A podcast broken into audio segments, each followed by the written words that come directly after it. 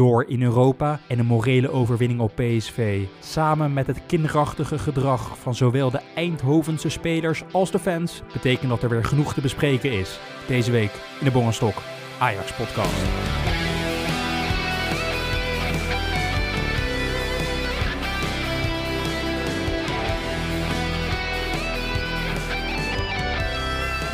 Stok.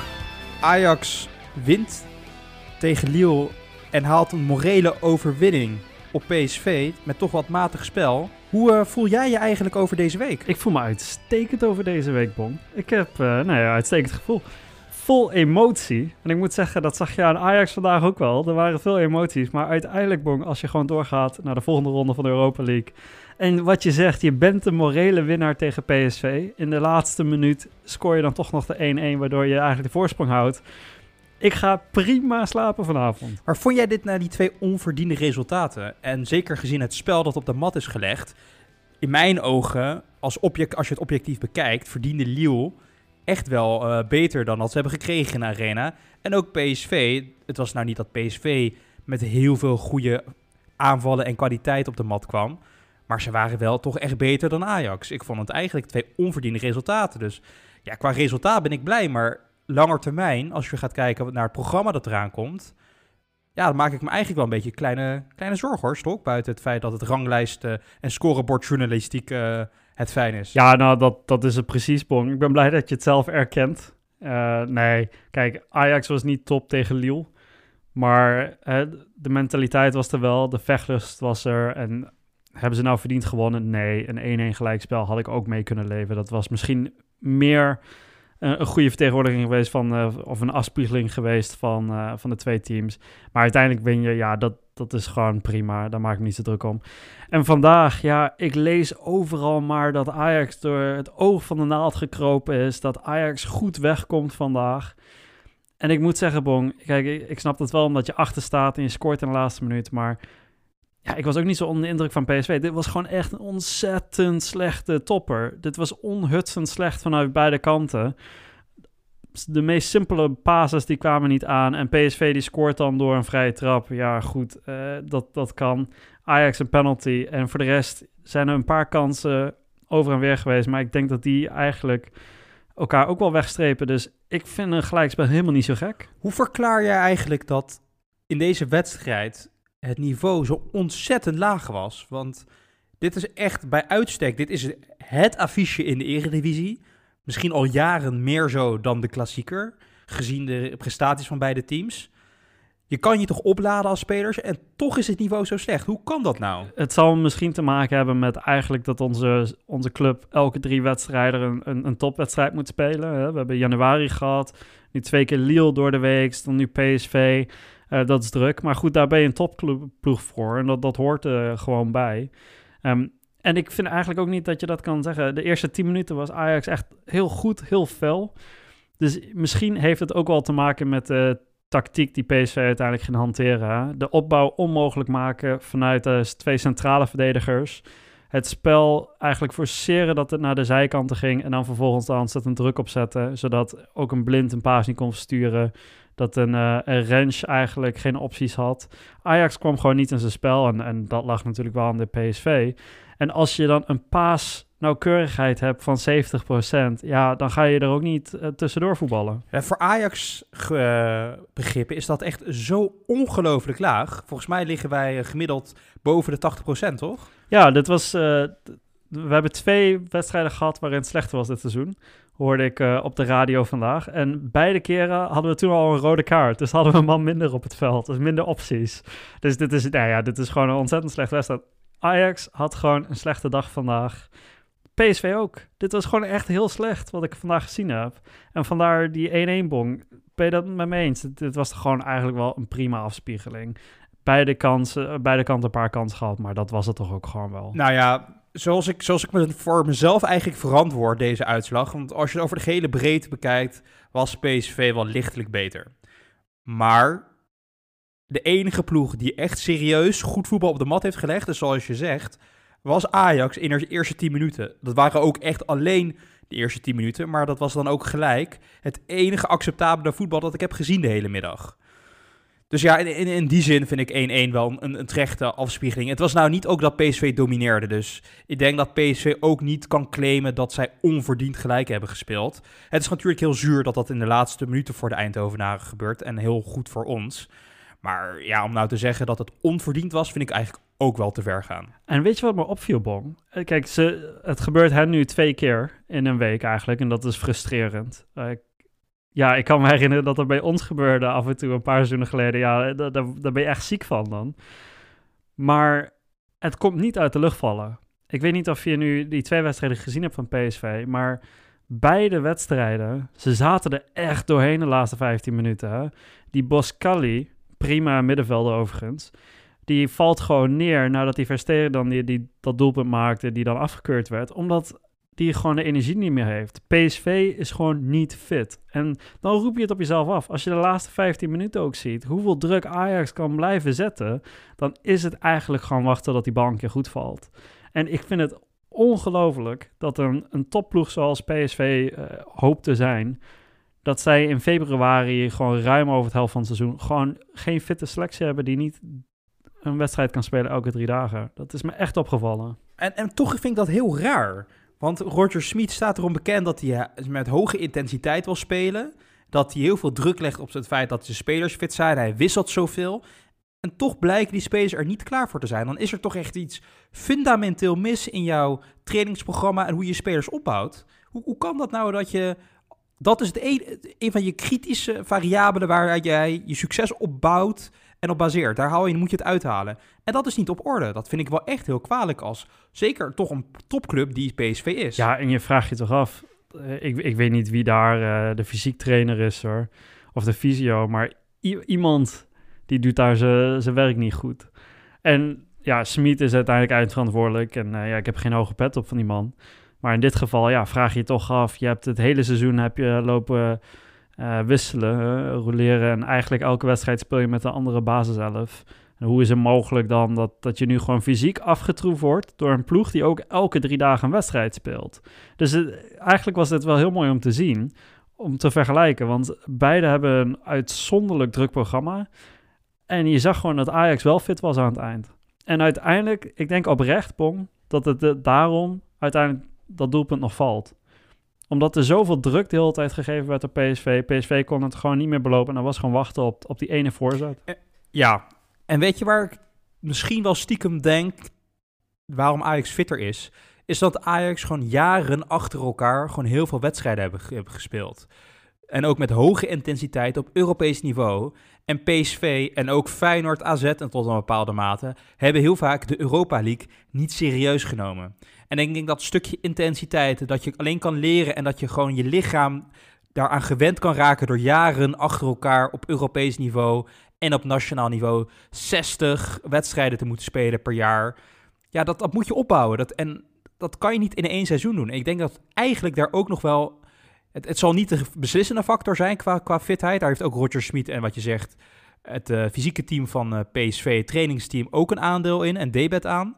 Maar ik denk dat Ajax daar toch nu ook profijt van trekt. Dat zij op Europees gebied daar gewoon echt een focus leggen. En dat risico nemen dat je in een competitie een keertje tegen Avrijen gaat lopen. Omdat je gewoon midweeks gewoon zo intens bezig bent. En PSV heeft dat voordeel niet. Die hebben die ervaring niet. En daar lopen ze nu tegenaan. En in, in die zin is het gewoon ergens op langer termijn heeft Ajax deze 1-1, die in de laatste minuut wordt gescoord, gewoon afgedwongen. Ja, eens. En weet je wat ook niet meehelpt overigens? Hè? Um, ik weet niet of je, of je het goed bekeken hebt vandaag, of je gewoon een vier, uh, wat is het, uh, op een HD hebt gekeken. Maar wat was het een knollenveld daar in Eindhoven? Dat was ongelooflijk. Ja. Daar kun je ook gewoon niet op voetballen. Ja, maar Oprecht, als ik, als ik een boer zou zijn, dan zou ik mijn koeien er nog niet op loslaten. Wat was het voor veld, joh? Ik wilde net zeggen, toen je dat zei, knollenveld. Dit is, PSV doet zijn, eer, eh, zijn naam eer aan.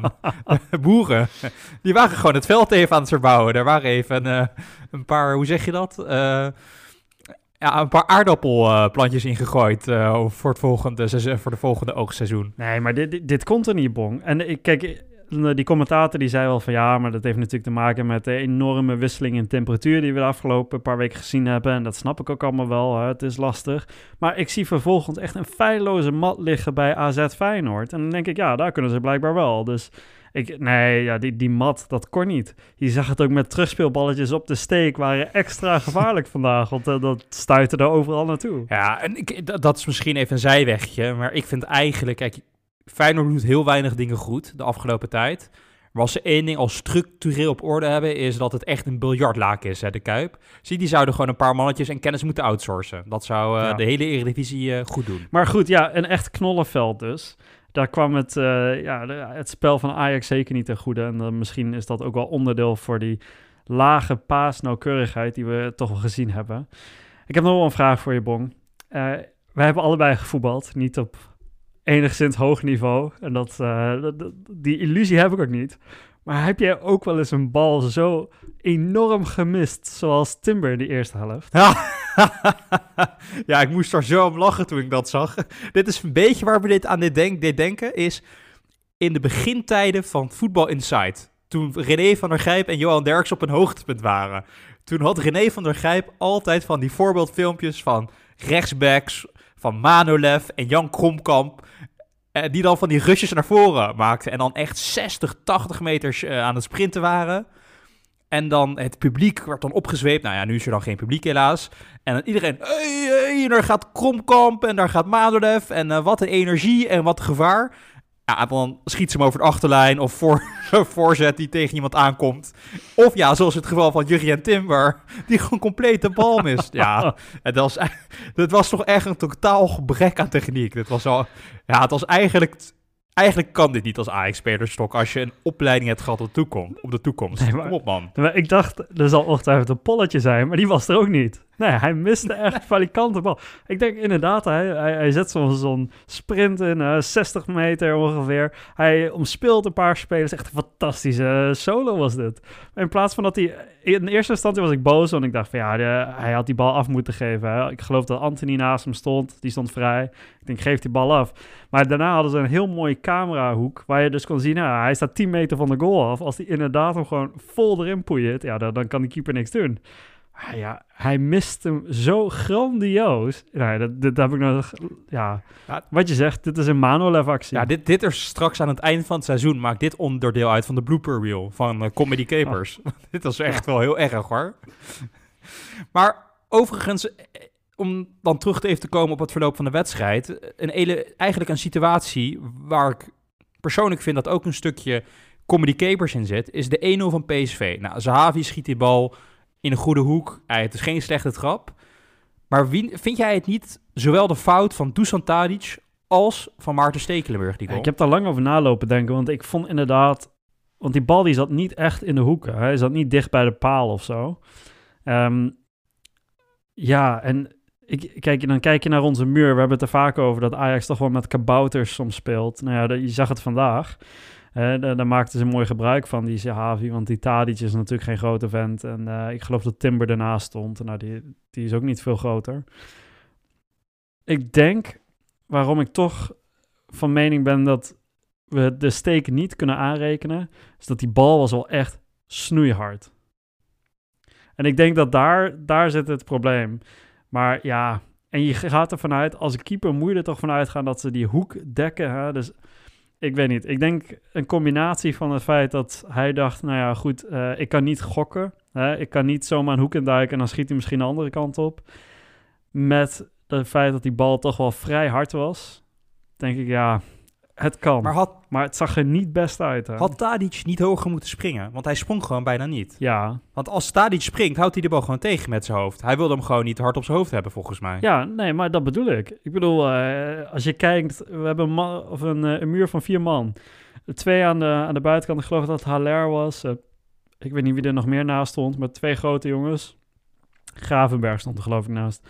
En eh, ja, die springen twee koppen of hoger dan, uh, dan Tadic. Ja, met zo'n muur, dan, uh, dan kunnen wij hem er ook overheen krullenbong. Ja. Dat kan ook gewoon. Dus ja, ik, ik, ik vond het... Ja, het, het zag er niet best uit. Ik moet zeggen, Ajax stond sowieso een klein beetje verlul met al die vrije trappen. Hè, met Klaassen die op een gegeven moment ook op de grond ging liggen. Ja. Ja, het zag er allemaal niet erg professioneel uit, moet ik Kijk, jij zegt, je rekent het de steek niet aan. Nou, ik absoluut wel. En het feit dat die bal hard is, prima. En dat hij misschien niet kan hebben, kan ik best bijkomen. Maar dat de steek niet eens... Maar je mag duiken. ja, precies. Nee, wat is dat nou? Je bent toch keeper? Je staat daar om in ieder geval de energie en de moeite erin te steken... dat je een bal probeert tegen te houden. En Steek die denkt, ja, ik ben 38, Ja, ik heb er geen ja. zin in. Dat Ja. vind ik wel kwalijk. Nee, ja, ik, ik ben het volledig met je eens. Ja, ik, ik had ook liever gezien dat eh de steek toch zo- een poging had gewaagd. Blijkbaar kon het niet. Maar Ja, wij hebben vorige aflevering nog gezegd dat de Steek die doet eigenlijk het werk van een tweede keeper. Wat, wat je, ja, hij doet wat je van hem mag verwachten. Maar ik begin na deze week, na de wedstrijd tegen Lille en de wedstrijd tegen PSV, André Onana wel heel erg te missen. Want ook in de wedstrijd tegen Lille vond ik de steek vrij zwak hoor, Sok. Ik weet niet of jij dat anders ziet, maar ik heb een paar echt zeer discutabele momenten van Maarten Stekelenburg voorbij zien komen. Ja, we hadden het toevallig deze week over dat het rare wat ik zo vond aan de steek was dat hij, hij had op- op dat moment, was na de wedstrijd van Lille, had hij ongeveer vier wedstrijden gespeeld en eigenlijk nog geen enkele redding verricht. En dat is toch raar op een of andere manier. We maakten nog de grap, je kan eigenlijk misschien ook gewoon wel met elf veldspelers spelen, want hoe vaak krijgt hij nou een bal op goal en moet hij nou een redding verrichten? Ik denk dat we het vandaag dan natuurlijk wel gezien hebben. Hij houdt die vrije trap van Max houdt hij er uitstekend uit. Hij heeft ons een paar keer gered. Die één op één met Dumfries, dat deed hij aardig. Hè? Kwam niet goed uit. Eh, en zo waren er meer momenten. Ja, Bong, dit is geen Onana. Ja, dat is eeuwig zonde. Ik heb ook veel liever André op goal staan. Maar ja, hij doet wat een tweede keeper hoort te doen. En daarom we moeten gewoon vertrouwen hebben in de steek. Hij doet het naar behoren. En ja, proberen gewoon het eind van het seizoen te halen. En daarna moeten we dan toch maar gaan kijken... wie moet André eventueel vervangen... als hij niet bijtekent en als hij geen strafvermindering krijgt. Bovenop mijn lijstje zou de keeper zijn van Lille overigens. Dat is wel een hele aardige. Ja, die heeft goede reflexen, goed aan de bal. Geen flauw idee, maar als je van eh Lille die, eh, die middenvelder kan overnemen, die Renato Sanchez, eh, de ex-Golden Boy en de keeper, nou, dat zijn twee zeer aardige spelers om erbij te hebben, hoor. Dat, echt, dat is een beetje... het- hij doet me ook denken aan André Onana eigenlijk, die keeperstok. Echt atletisch, rustig aan de bal, geeft vertrouwen aan zijn team. En goed meevoetballend. hè? Ook dat, ja. Ook dat. En voor, zeker voor een keeper uit de Franse competitie is dat niet iets wat wij daarmee eh, associëren normaal gesproken. Maar één momentje, Stok. Kijk, wat we er echt wel even wilden uitlichten is tegen Lille, waar ik me echt aan ergerde, is... Toen kreeg Maarten Stekelenburg eh, op de grond, volgens mij was dat de eerste kans of bij de goal, weet ik even niet meer in mijn hoofd, dat hij de bal eh, eigenlijk op de grond wegtikt met zijn linkerarm. Maar in plaats van zoals je als een keeper leert in de F-junioren, dat je hem naar de zijkant tikt, schuift Maarten Stekelenburg gewoon richting de penalty stip.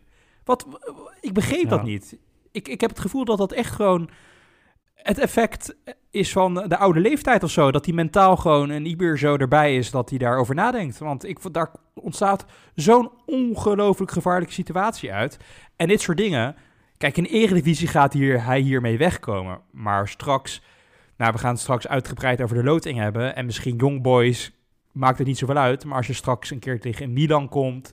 of een United of eh, een andere Europese topploeg... dan gaat je dit wel echt eh, opbreken, vrees Ja, ik. maar dat is ook. Ik, ik, ik vrees dat dit ook. eh, ja, een, een probleem wordt. Maar wat ik zeg, we, we moeten gewoon proberen het seizoen uit te zingen met, een, eh, met, de, met de steek. En vervolgens moeten we kijken hoe, hoe is die situatie met André. En, en dan moet toch echt een vervanger gehaald worden hoor.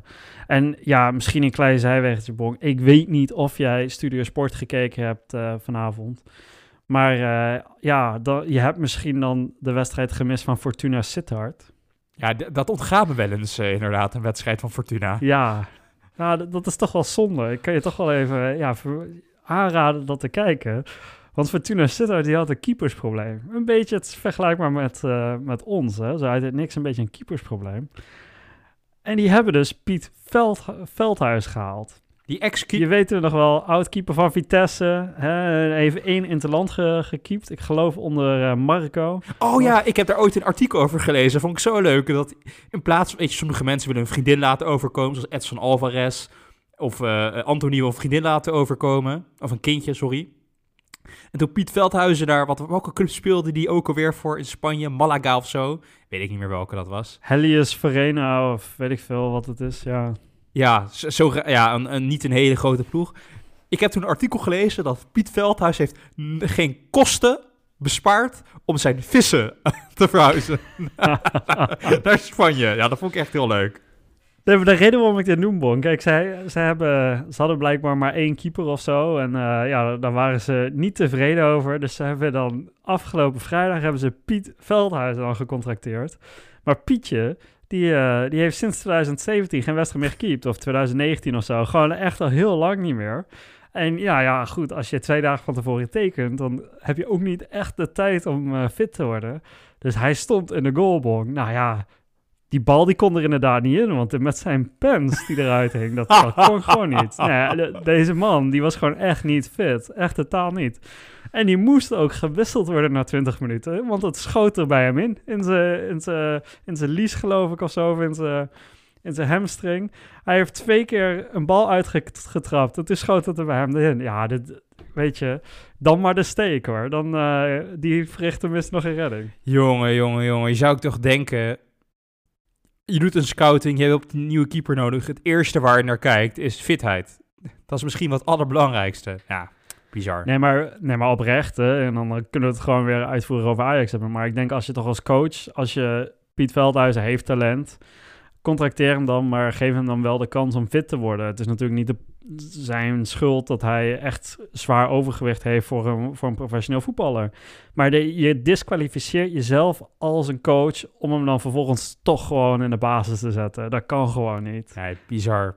Over speler gesproken trouwens, Stok, uh, die niet bij Ajax speelt, maar die wel in het nieuws was in uh, verband met Ajax. Geruchten gaan al langere tijd de ronde dat hij eventueel naar Amsterdam verhuist. Maar hij zou weer niet fit zijn. Problemen met de trainer. Tactisch geen discipline zou hij hebben. Mo Iataren zat niet bij de wedstrijdselectie vanwege een conflict met Roger Schmid.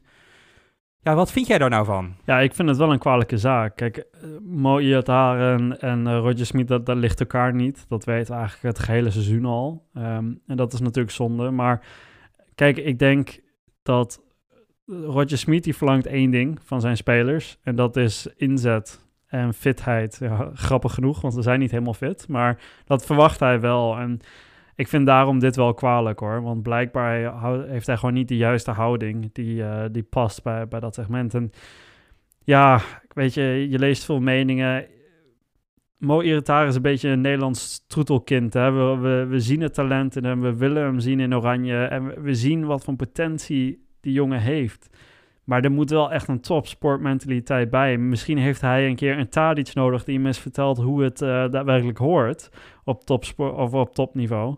Um, en moet hij daarna luisteren. Dat heeft hij bij PSV natuurlijk niet. Maar deze jongen die moet wel echt heel snel volwassen worden. Want anders ja, kan hij zomaar de kant op gaan van een Aysati. Ja, maar wat jij heel terecht zegt, hij heeft een, denk ik echt een rolmodel nodig. Kan jij nou bij PSV in de hele selectie er één ervaren speler uitlichten die een topsportmentaliteit bevordert. Baumgartel. ja, en dan heb, krijg je zo'n Denzel Dumfries. Nou, we gaan het straks uitgebreid over Denzel Dumfries hebben. Maar die staat er ook te oreren als de, ja, de grote aanvoerder. Ja, dat kan ik ook echt niet serieus nemen. Kijk, zal er een deel schuld liggen bij Iataren zelf? Absoluut. Maar ik denk dat deze jongen momenteel gewoon niet goed wordt begeleid.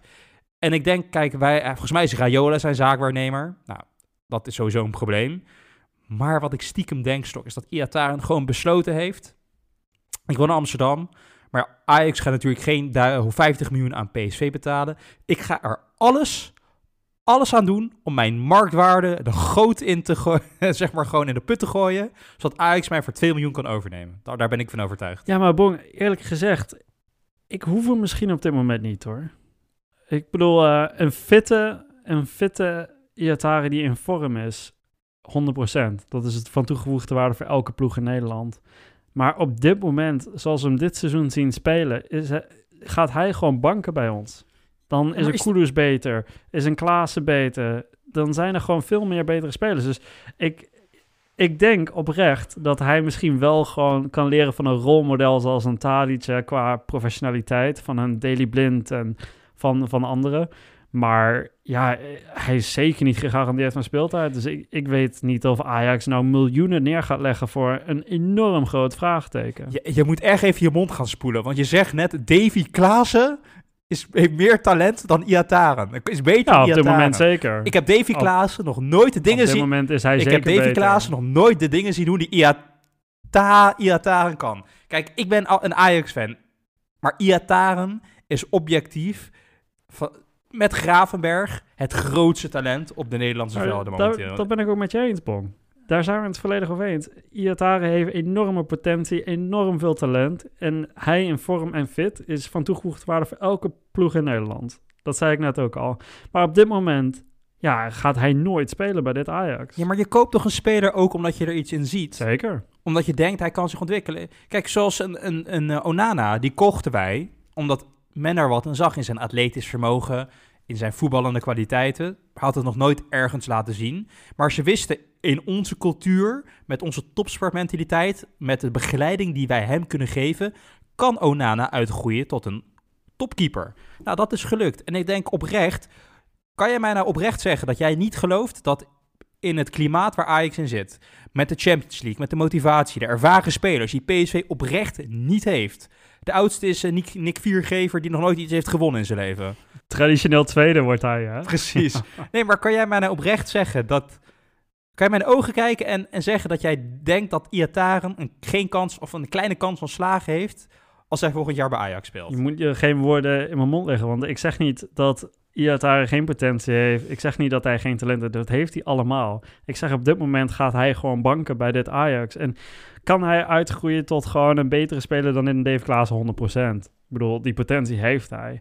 Maar het hangt er vanaf wat voor stappen hij gaat zetten. Ik denk gewoon niet dat hij genoegen gaat nemen met het feit dat hij misschien volgend jaar dan gewoon vrij veel op de bank gaat zitten. Dat hij eventueel tegen een Sparta mag aandraven, maar dat hij voor de rest gewoon wel bikkelhard moet werken. En dat hij niet alleen die mooie steekballen meer kan geven, maar dat hij ook gewoon... Hij, moet zeg maar die omslag maken die Ziyech gemaakt heeft, weet je wel? Eh, Weggaan van alleen die mooie passes geven, maar gewoon echt een teamverband. Keihard werken wanneer je die bal verspeelt. Gewoon inderdaad meelopen met je spelers. En dan vervolgens accelereren wanneer je, ja, wanneer de bal hebt. Die omslag moet hij maken. En zo, zolang hij die niet maakt, dan zit hij gewoon bij ons op de bank. En of hij dat kan accepteren, Bong, dat vraag ik mij af. Kan hij dat wel? Dan, dan haal ik hem persoonlijk op. Ja, nee, maar dat, fair enough. Ik begrijp je punt. Maar ik wil gewoon alleen, wat, ik heel duidelijk wil zeggen, is dat ik denk dat ja, op dit moment in zijn huidige vorm, zijn huidige mentaliteit, zoals hij dat momenteel aantoont bij PSV, ben ik het 100% met je eens dat hij niet in de basis staat bij Ajax. Maar ik denk op het moment dat hij in onze cultuur zit, in onze spelersgroep, met de begeleiding die hij krijgt van de ervarene spelers, van de Ajax-staf, van het feit dat hij op Europees niveau zoveel wedstrijden kan spelen. Misschien niet allemaal aan de basis, hè, maar gaat echt heel makkelijk aan speelminuten komen. Het is niet dat eh Ten Hag buiten de selectie gaat houden. Ik denk dat zijn kans op slagen bij Ajax 95% zou zijn. Ik denk in ieder geval dat hij eh, grotere vrienden zou zijn met Erik ten Hag dan met eh Roger Smit. Ik denk dat we daar wel, wel over eens zijn. Kunnen we dat niet doen trouwens? Labiat wisselen voor Liataren. Misschien dezelfde marktwaarde na vandaag. Ja, waar, waar kan ik tekenen? Ik zeg eh Mark doen. Ja. Bong, eh, om toch nog even terug te komen de wedstrijd. Er waren nog een paar dubieuze momenten natuurlijk in de wedstrijd eh, PSV-Ajax. We gaan het zo meteen gelijk hebben over Thalys en Dumfries. Want ja, dat, dat was toch een enorm storm in een glas water wat mij betreft. Maar toch interessant om het over te hebben. Maar voor dat moment, een, een goede 10, 15 minuten daarvoor... Hadden wij niet gewoon met 10 man moeten komen staan? Was dit niet gewoon een ontzettend domme overtreding van Martinez? En hoe is het mogelijk dat de VAR niet ingrijpt? Dit is toch gewoon 100% een rode kaart? Absoluut. Absoluut. En het is... Ik, ja, waarom de VAR niet ingrijpt, kan je mij eh, uitleggen, Strok. Eh, ja, des te beter voor ons, maar ik zie daar geen enkele logica in. Tenzij de VAR denkt, dit is een gele kaart. Want dan mag je niet ingrijpen. Maar ja, goed, dat lijkt mij... eh, dit was ja, in geen enkel opzicht, bij geen enkele spelregel... en geen enkele morele regel in het leven een gele kaart. Dit was altijd donker en donkerrood. Het was een hele rare actie van Martinez... En ook niet zijn eerste deze week, Stok. Want ook die penalty die hij veroorzaakte tegen Lille... daar zat gewoon kortsluiting in zijn hoofd, toch? Ja, ja 100%. Al die penalty, hij, hij probeerde een schouderduw te geven. En eh, ja, ja, ja... Ah, hij kwam in als een sumo-worstelaar in plaats van een fatsoenlijke schouderduw. Dus ja, nee, dat, dat, was niet slim. Maar ik, dat, dat kan nog gebeuren, weet je. Dat is gewoon een fout. Maar dit, dit was gewoon kwaad wils, hè. Bedoel, dit was gewoon 100% natrappen. Dit is je frustratie op een irritante eh, Zahavi natuurlijk. Hij was irritant bezig. Maar om daar echt wraak op te nemen. En ja, dat hoort niet bij een topploeg. En dat kan je zomaar punten kosten. Ten Hag zei achteraf, ja, ik heb het niet gezien.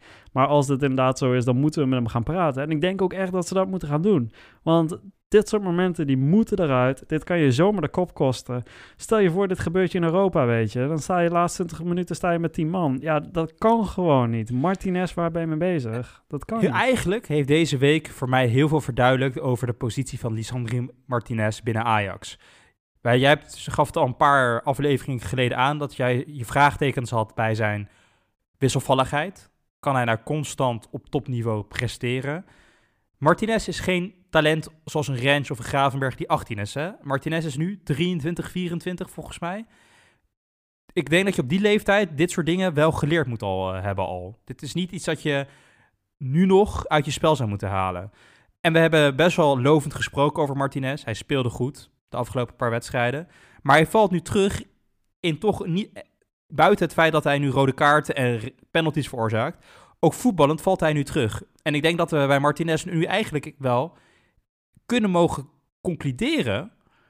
dat Martinez eigenlijk ook een beetje de ideale 12e, 13e man is. Of de, de ideale vijfde verdediger, toch? Want ik zie hem niet structureel nu elke wedstrijd onbetwist basisspeler zijn bij Ajax. Nee, en zodra Tagliafico terug is, dan vrees ik voor hem dat, eh, dat hij weer moet gaan banken. Dat Blind weer terug gaat naar de centrale rol. En eh, ja, da- dan zijn wij allebei, juichen wij dat toe, Bong. Hè? We zijn eh, blind op linksback toch wel, eh, wel zat. Maar ja, dan vrees ik dat hij inderdaad weer op de bank belandt. Want wie moet je er anders uithalen? Ja, maar het is niet eens over iemand er anders uithalen. Ik vind dat Martinez echt deze week tegen twee topploegen... Dit waren de twee belangrijkste wedstrijden buiten de Champions League... misschien wel van het seizoen momenteel. Tegen Liel veroorzaakte hij een penalty. En het was niet alleen dat moment, maar werd ook een paar keer in de 16... schat hij een bal verkeerd in... Dat hij te laat inkopt en dan is de speler van Liel er eerder bij. Hij wordt voorbijgelopen omdat hij een verkeerde verdedigende inschatting maakt. Ja, Lille maakt het dan niet af omdat zij gewoon nul scorend vermogen hebben. Maar ja, weet ik veel. Jij kan mij misschien meer vertellen straks over Young Boys. Maar stel die hebben een dodelijke spits. In Europa ligt die bal er gewoon drie van eh, drie keer in het netje hoor. En ook tegen PSV. Hij schiet een paar keer de bal gewoon als een vuurpijl op zijn eigen 16. Schiet hij omhoog. En die bal wordt niet weggewerkt. Totale paniek in de 16. Ja, ik zijn dat een paar hele rare voetballende momenten. En verdedigende momenten vooral van Martinez. Waar ik me dus gewoon structureel zorgen over maak. En waar ik uit de conclusie trek, Stok. Dat hij gewoon niet geschikt is om structureel de basis eh, bij Ajax te mogen eh, bemannen. Ja, hij, hij wisselt goede momenten gewoon te vaak af met, met slechte momenten. Hij is te wisselvallig en, en niet constant. Vandaag had hij ook weer een paar keer een goede ingreep. Hè. Op een gegeven moment was het bijna eh, alleen op de goal af en, en hij stapt goed in. Dus eh, hij laat ook goede dingen zien. Maar het probleem bij hem is dat hij niet consistent genoeg is. Dat hij niet constant genoeg is. En dat hij, ja, inderdaad, dit soort momenten blijft houden. Of het nou tegen Lille was of, of inderdaad vandaag. Die vuurpijl, daar heb ik me ook aan geërgerd. Dat, dat vond ik ook onbegrijpelijk. Ja, dat moet beter. Dat moet beter. Ik denk dat het niet beter kan. Ik denk dat dit is, dit is wie hij is, heel eerlijk gezegd. En daaruit moeten we gewoon de conclusie trekken, Sok. Het is, het is, een ideale speler om op de bank te hebben als er inderdaad een basisspeler voor één, twee maanden geblesseerd wegvalt. Dan heb ik geen probleem dat Martinez daar in de basis staat. Het is een beetje de betere versie van Zakaria Labiat. Weet je wel, eh, Labiat, daar erg ik me elke keer aan of hij nou als invaller erin komt of als basisspeler start. Dat maakt mij, is mij helemaal om het even. Maar bij Martinez, die mag voor mij op de bank zitten en die mag erin komen of een keer in de basis staan. Als een speler rust nodig heeft of er is een blessure, dan heb ik daar geen probleem mee. Dat is in mijn ogen Ja, zijn ideale rol. Bong, we hebben het al even over keepers gehad. Ehm, en soms, ja, en we hebben het over kortsluiting gehad ook. Dit was toch een wereldredding van Dumfries, of niet? nou ja, ik vind Dumfries echt geen geweldige rechtsback. Dus met die reflexen die hij vandaag op de doellijn tentoon heeft gespreid, Stok, is dat wel misschien een nieuw carrièrepad voor Denzel Dumfries. ja, nee, dit, dit was een fantastische redding. Ik- Misschien kan jij me dit uitleggen, maar ik ging er toch vanuit dat wanneer je, laten we het een Suarez-redding noemen, hè, destijds bij het WK uh, voor Uruguay destijds. Maar als je toch een duidelijk doelpunt verhindert met een handbal, dan, uh, dan is dat toch een rode kaart. Ik vond het, daar heb ik dus ook over getwijfeld. Toen ik het zag, dacht ik gelijk, bal op de doellijn, dat is een rode kaart. Maar ik vind het, ja, je hebt al nu Suarez aan. Maar ja, dat was gewoon echt letterlijk een volleybalredding. dat was zeg maar, de Dumfries, die bal is nog een beetje bij zijn hoofd, weet je wel. Terwijl Suarez ging met handen eerst. Dat was wel echt een ander niveau. Suarez die dook echt als een keeper. Ja, ja precies. dat was wel een schitterend moment overigens. Dat was voetbalhistorie was dat, hè. Uruguay-Ghana. De dag voor het eerste keer kan een, een Afrikaans land de halve finale van een WK bereiken. Op het eigen continent. Het, het, WK in Zuid-Afrika. En Suarez doet echt dat meest schandalige actie die je als voetballer kan uitvoeren. ja, dit kon echt niet. Maar die penalty misten ze. Daarom gingen ze door. Dat was echt... Precies. Het nog beloond destijds ook. En daarom speelde Suarez niet tegen Nederland zelf tot toen. Want dat was de halve finale. Ja. Ja, voetbalgeschiedenis. Ja, nee, kijk, ik vind het niet erg dat er geen rode kaart voor wordt gegeven. Want het, in mijn ogen beïnvloedt het de wedstrijd niet. Het resultaat. Er was nog maar zo kort te spelen. Ja, ik denk dat de discussie veel groter was geweest als die handsbal en die penalty hadden plaatsgevonden in minuut 30 van, uh, van de eerste helft. Ja, dan kan je inderdaad vragen gaan stellen. Is dat rood, ja of nee? In mijn ogen is het altijd rood overigens hoor, maar ik irriteer me er niet aan. En wij hebben als kritiek op Danny Makkely, maar ik vind dat dit wel redelijk in de geest van de wedstrijd. Het niet uit de hand laten lopen. Nee, wel, wel eens. Kijk, en daar kwam uiteindelijk die penalty ook uit. Overigens, Dumfries wel eerlijk, zoals hij dan soms toch wel is. Uh, toen hij aan het eind of na de wedstrijd gevraagd werd door de verslaggever van... Uh, ja, was dit, uh, was dit een penalty? En toen zei hij, ja, absoluut, ik hield hem er toch uit. Ja, ja dat vond ik dan wel weer mooi. Hè? Dat, daar gaf hij toch wel aan, dit was wel echt direct inderdaad een terechte penalty. Ja, en daarna gebeurden er allemaal dingen. Dat heb ik al een tijdje niet meer gezien op het voetbalveld, Ja, jij noemt het een storm in een glas water. Ja, ik vond het wel mooi.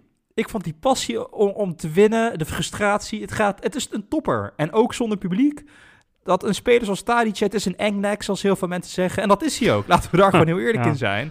En ik ben ongelooflijk blij dat hij aan onze kant staat. Maar ja, als ik Dumfries was, had ik waarschijnlijk ook zo gereageerd. Nou ja, kijk, wij hebben jarenlang hebben wij lopen zeiken op een Toyfone bijvoorbeeld, of een Mark van Bommel. De, de, ja, de koning van de engnecks eigenlijk. Dus ik ben wel blij dat inderdaad dit keer dat hij uh, aan onze kant speelt. Kijk, Bong, ja, ik, ik weet niet hoor. Ik ben ook vrij competitief. Hè? Dus als ik uh, een penalty tegenkrijg, dan wil ik misschien toch ook wel wat zeggen naar degene die hem gaat nemen. Om toch proberen uit het spel te halen. Ja, ja, nou ja, ik, ik heb nog nooit iemand gezien die dan uh, probeert die penalty stip eigenlijk te begraven. Heb je dat ooit eens meegemaakt of niet? Uh, persoonlijk niet. Maar ik kan me wel herinneren dat, volgens mij was dat op een WK, dat iemand dat ook aan het doen was. Dat ze gewoon uh, aan die penalty stip aan het intrappen waren. Kijk, ik, ik vind trash talk mag. En ik denk dat Dumfries, ja, ik weet, niet, ik weet niet precies wat er is gezegd, maar volgens mij is er iets in de trant gezegd van wat je in Spanje vaak hoort van uh, puta madre, maar dan in het Servisch. Volgens mij is dat wat er langs is gekomen.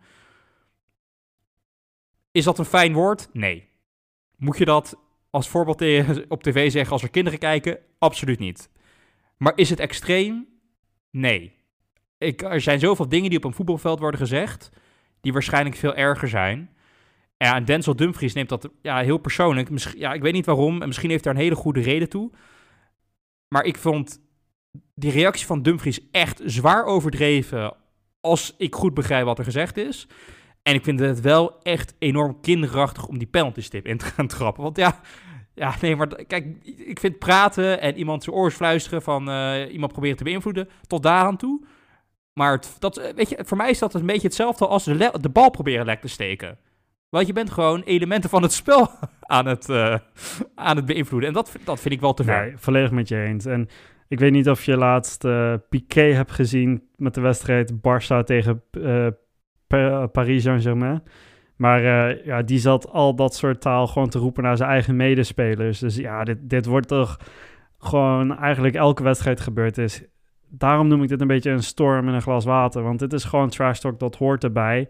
Um, inderdaad, zet de microfoon maar uit voor, voor kleine kinderen thuis. Het is een ontzettend slecht voorbeeld voor, voor mensen thuis. En het is ook kinderachtig dat iemand over de 30 dat gaat zeggen. Hè? Laten we Tadic ook gewoon, ja, die, die, moet zich ook gewoon beter gedragen. Die moet niet zo gaan juichen naar Dumfries nadat hij scoort. Dat kan ook gewoon niet, weet je.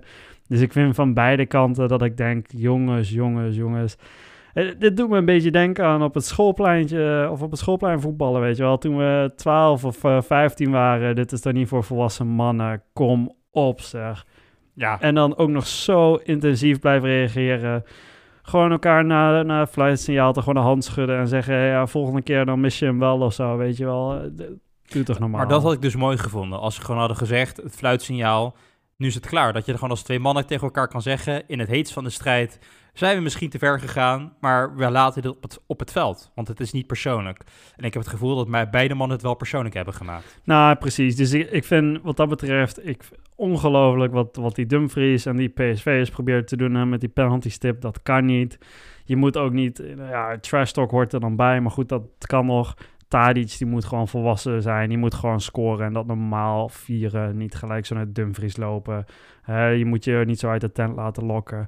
En dan na het flightsignaal, jongens, uh, kom op, schud elkaar de hand. Helemaal prima. En uh, nou ja, goed, het was niet alleen op het veldbong. Ik zag ook filmpjes voorbij komen. Ik weet niet of je dat gezien hebt. Maar de Tadic die naar de bus wilde lopen. Ja, met al die PSV-supporters. En uh, die Tadic uh, ja, scheldwoorden die nog veel erger zijn dan wat er op het veld is uh, geroepen. Naar zijn hoofd slingeren. Dat er echt met stenen naar Tadic gegooid is. En dat vind ik oprecht heel erg kwalijk. Ja, muntjes waren het geloof ik. Ja, nou ja, in ieder geval, het, was geen, het was geen tomaat. het was ah. toch wel iets wat... metaal, laat ik het zo zeggen. Harder materiaal. Maar ik wil dit is wel echt oprecht, deze supporters, of je ze supporters mag noemen, vind ik dan ook echt een vraag. Maar dit zijn echt mijn nominatiestok voor het veldmannetje van de week. Jawel, wat doe je nou? Ja, kijk, weet je, wat ik zo bijzonder aan dit film is dat deze spelers die gaan eerst douchen en zo, weet je wel. En dan doen ze al die interviews. Dus het is ruim een uur na het eind van de wedstrijd. Dit, dit zijn dus mensen die zitten thuis te kijken en die zijn dan geïrriteerd. Begrijp ik. Ik zou ook teleurgesteld zijn als het de andere kant op was geweest. Dus dat begrijp ik. Maar weet je, ja, daarna dan gaat gewoon het weekend toch verder, weet je. Dan, dan glijdt dat toch een beetje van je af. Nee, dit zijn mensen die zijn dan zo gepikeerd. Die, die denken dan, nou ja, goed, we gaan naar het stadion toe. En dan staan ze daar buiten te wachten. En dan op een gegeven moment, ja, ze, ze spenderen dus ruim een uur zonder gewoon even rustig na te denken even ademhalen. Ja, misschien was dit toch niet zo erg. Nee, vervolgens daar gewoon muntjes gaan gooien een uur later. Ja, kom op zeg. Maar dit waren ook niet de hooligans die we gewend zijn, weet je wel? Die uh, met uh, bandana's hun gezicht bedekten. Dit waren gewoon ook mannen met grijs haar. Die gewoon waarschijnlijk familie en kinderen thuis hebben. moet jij eens voorstellen, je komt thuis. Je kind zit de samenvatting van bij Studio Sport te kijken. En, wat roept ja. papa daar nou? Ja. Ga dan maar eens uitleggen thuis. Ja, Nee, dat is toch heel raar. En wat je zegt, dit zijn geen fans, dit zijn geen supporters. En uh, ja, gewoon diep, diep triest. Gewoon echt heel erg. Ik trouwens, ik moest heel erg lachen. Kijk, niet, niet over dit. Dat is misschien een hele slechte brug. Maar wat je net zei over Denzel Dumfries. Dat hij heel vaak heel eerlijk is. Weet je, dat, daar heeft hij wel een handje van. En dat is ergens bewonderenswaardig. Maar hij, moet, hij heeft ook wel heel veel reden om heel vaak eerlijk te zijn. Want hij moet wel erg veel dingen uitleggen. Ja, dat is wel echt zo. Ja, maar ik moet, ik moet wel zeggen, hij, hij komt wel aardig over. Ja, is geen slechte gast. Is absoluut geen slechte gast. Ja, nou, wij hebben dus nu PSV gehad, Liel gehad. Maar een ander groot evenement buiten het veld is de loting in de Europa League stok. Wij hebben de nummer 1 van Frankrijk verslagen. Nou mogen wij tegen de nummer 1 van de grootste Zwitserse competitie. Ja, denk jij dat wij een doelpunt tegen gaan krijgen? Of denk, jij dat, of denk je dat we minder dan 10 keer gaan scoren? Ja, nee. ik, ik, Kijk, we moeten ze niet onderschatten. Laten we daarmee beginnen. Maar dit, uh, dit moet te doen zijn voor een Ajax. En ik, ik ben even in de selectie gedoken. Want het kwam mij te oren dat een oude bekende daar toch wel speelt. Weet jij wie? Nou, volgens mij is dit de grootste aankoop van, uh, Marco Pannenkoek van Basten, toch? Dit is uh, de recordaankoop van een uh, paar jaar geleden. Ja, precies. Miralem Soleimani. Ja, Miralem Soleimani. Die speelt dus uh, bij Young Boys. En hij speelt ook daadwerkelijk. Ik heb de statistieken er even bij gepakt. En de afgelopen, of het afgelopen seizoen... Um, ja, heeft hij toch ruim 25 keer eh, meegedaan. En dan mag jij raden hoe vaak onze Miralem Soleimani in die 25 wedstrijden gescoord heeft. Eh, wacht even, 25 keer in de Zwitser- Zwitserse competitie of ook Europees? Europees en Zwitserse competitie bij elkaar. Oké, ehm, nou, Europees heeft Miralim Soleimani in zijn hele leven nog nooit potten weten te breken, dus daar gok ik op nul. Maar als je de Zwitserse competitie een beetje, weet je, daar heb je tegen gespeeld tegen FC Luzern en de Grashoppers en dat soort eh, onzin. Ja, dan zal hij toch wel minimaal 7 tot 10 goals hebben gemaakt. Nee, nee, helaas niet voor, voor hem. Nee, hij heeft 19 keer meegedaan in de Zwitserse competitie en wel geteld 0 keer gescoord. Meen je dat nou? wel twee assists, ja, ja, ja, maar wel twee assists gegeven. En eh, hij heeft één keer gescoord in de Europa League en één keer in de Champions League. En ja, bong, ik heb dan toch maar even de rekenmachine erbij gepakt. Hè, van hoeveel minuten heeft hij daadwerkelijk gespeeld? En hoe vaak is hij dus betrokken bij een goal? Dus hoe vaak is hij betrokken bij een assist of een goal? En het blijkt dus dat onze Miralem, die is dus betrokken bij een goal één keer in de 280 minuten. Dus ik denk dat we daar niks voor te vrezen hebben. Dus eens in, de drie, eens in de drie wedstrijden of zo levert hij een bijdrage. En terwijl hij aanvaller is. Dat is wat je zegt. Eens, eens in de 3,5. Jezus, ja. dat, nou ja, aan de andere kant, goed om te zien voor Miralem... dat hij wel zijn bijdrages proportioneel ten opzichte van zijn tijd bij Ajax... heeft verbeterd. Dat, dat is wel te spreken voor Miralem. Ja, nee, maar kijk, het is hartstikke leuk om weer een oude bekende te zien. Ik kijk er oprecht naar uit. Hij, hij speelde overigens niet in die Europa League wedstrijd van afgelopen week. Daar zat hij op de bank. Ehm, dus hij is niet altijd een vaste basisklant, maar ik hoop hem toch wel in actie te zien. Eh, om de statistieken toch maar even verder te trekken. Op transfermarkt.nl heeft hij een waarde van ongeveer rond de 1,7 miljoen op dit moment. Nou, dat heeft Marco dan toch wel heel erg verkeerd gezien destijds. Eh echt een pannenkoek aankoop was dit. En eh, ja, het is toch wel leuk om hem te gaan zien. Maar om terug te komen, ja, Bong, wat weet ik van Young Boys? Ja, echt helemaal niks. Ze hebben vorig jaar van Feyenoord gewonnen. Maar goed, dat deed Wolfensbergen ook. Dus eh, ik denk niet dat we daar eh, veel wijzer uit worden. En ik, eh, ik weet alleen, en dat hoorde ik van jou, dat zij speelden op kunstgras. En dat is natuurlijk wel vervelend. Ja, Maar goed, dat zijn eh, Ajax-spelers toch gewend in de Eredivisie. Dus ik zie geen enkel nee, probleem. ik ook niet. En ik denk dat we... Ja, je moet nooit een tegenstander onderschatten. En dat gaat, zeker als selectie zijn er niet. En daar moet je mentaal je zo ook op instellen. Maar Stok, we hebben de nummer 1 van Frankrijk eruit geknikkerd. Ja, dan is er in mijn ogen geen enkel excuus. Maar dan ook geen enkel excuus. eh, Buiten een onweerstorm die eh, alle spelers van Ajax in een vliegtuig treft. Dat je, en dat iedereen eh, zijn huis niet meer uit mag komen. En quarantaine en corona en weet ik veel wat. Is er geen enkel ander excuus wat ik zou accepteren. Waardoor Ajax niet met twee vingers in de neus van deze ploeg zou moeten kunnen winnen in een tweeluik. Echt absoluut niet. En dan zitten we gewoon in de kwartfinale stok. En dan wordt het leuk. En dan gaan we ergens voor spelen. Want deze ronde is voor mij nog moi. Maar als we in de kwartfinale zitten, dan, eh, ja, dan ga ik er echt goed voor zitten. Ja, precies. En laten we ook niet vergeten dat dit ontzettend belangrijk is voor het Nederlands voetbal.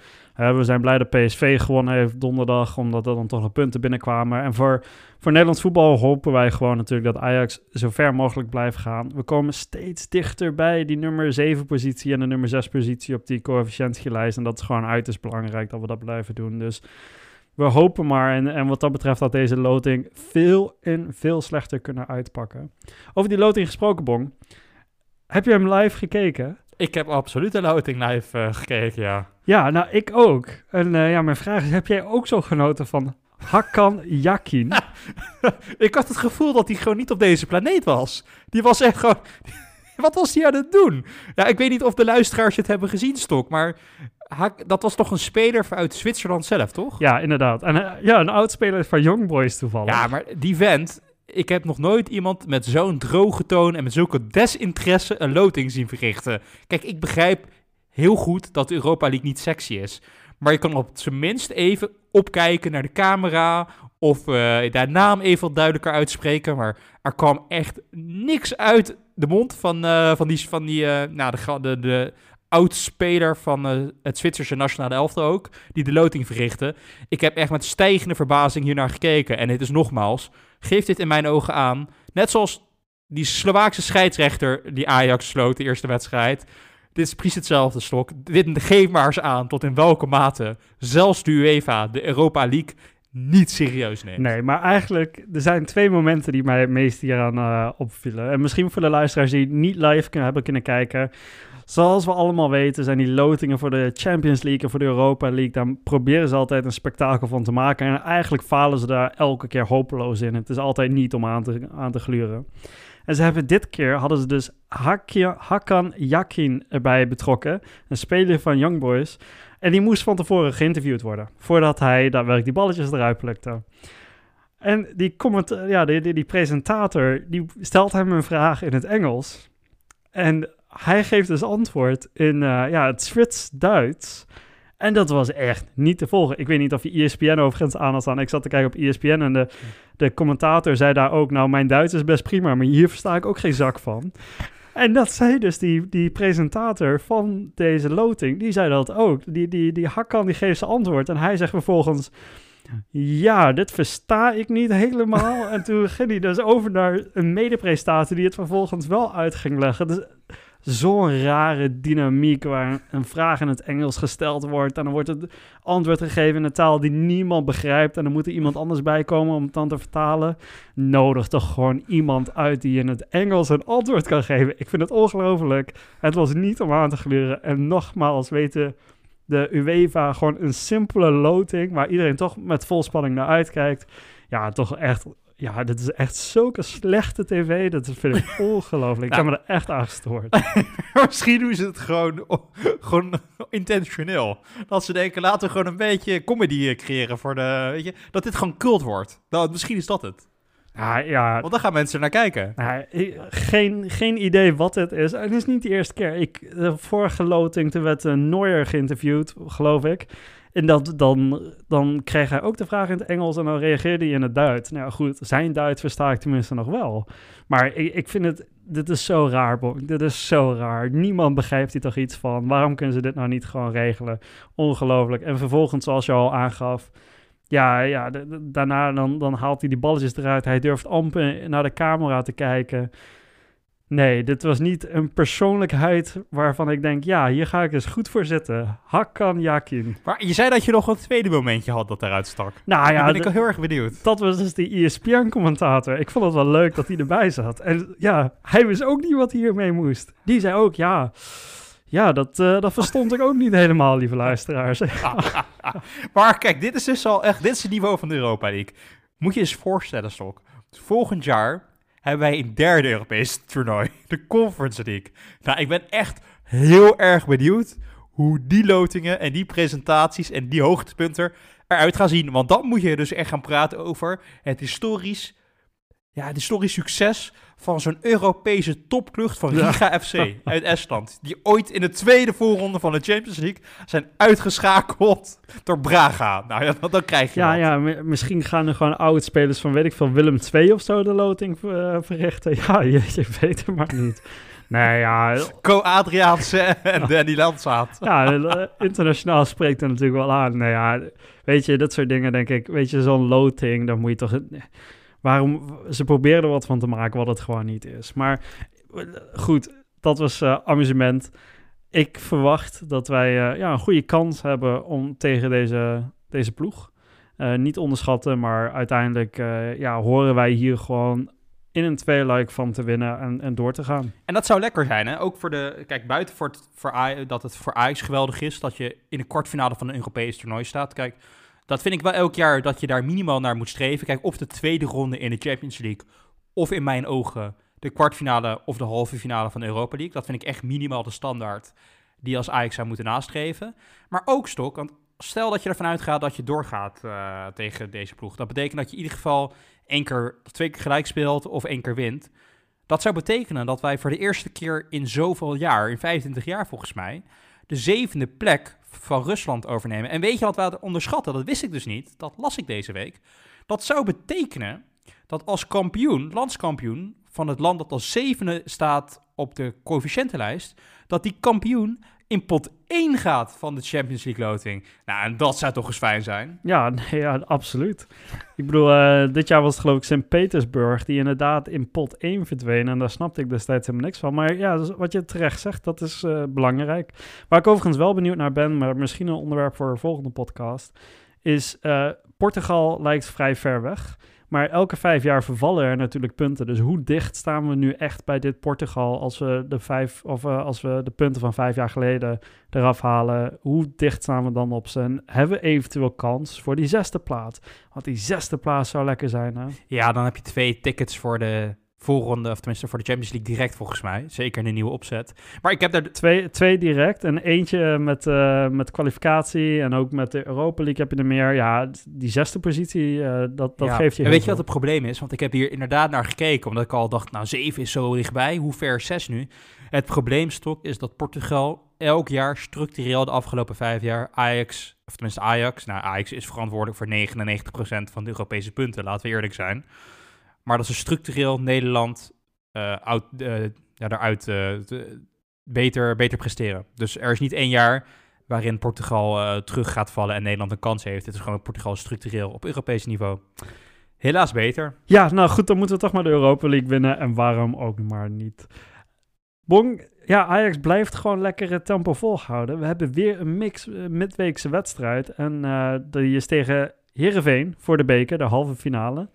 En dan hebben we komende zondag de thuiswedstrijd om kwart over twaalf op zondag. Dus weer, uh, weer vroeg ons bed uit. Met koffie erbij gaan we die wedstrijd kijken. Thuis tegen Groningen. En daar hebben we natuurlijk wel wat goed te maken.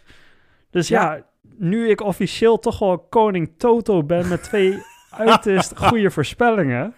geef ik jou nu eerst weer de kans om als eerste een voorspelling te wagen. Voor Groningen? Beide wedstrijden. Beide wedstrijden. Ja, maar Stok, waarom moet ik een voorspelling gaan geven voor jong Ajax in de beker tegen Heerenveen? Nee, maar daar moet... Nee, maar even serieus. Dat vind ik een oprechte vraag. Nou, hoeven nu niet op in te gaan. Maar ik, zoals ik ten Hag was, gewoon met een beelaftal gaan spelen. Want wat boeit mij die beker nou? Een prijs is een goed, prijs. Um, nou, goed. Hier hebben we het al vaker over gehad. is niet waar. Uh, maar ik denk dat Ajax hier gewoon met 1-3 wint tegen Heerenveen. Is uh, koning Toto het daarmee eens? 1-3. Nou, ik ga gewoon voor, uh, voor een 3-0. 3-0 voor, voor Ajax. Okay. Nou ja, en dan thuis tegen Groningen zal ik dan maar eerst gaan. Ik denk dat we thuis tegen Groningen 4-1. Ik denk dat Ajax zit geen, geen lekkere flowstok. Ik denk dat het weer een lastige wedstrijd gaat worden. Laten we niet vergeten dat Groningen gewoon zesde staat. En Ajax heeft de laatste paar jaar gewoon moeite tegen de ploeg uh, uit het Hoge Noorden. Ik denk dat, dat, daar een, uh, dat Ajax gaat winnen, maar dat het een lastige 2-1 daar wordt. We gaan het zien, Bon. We gaan het zien.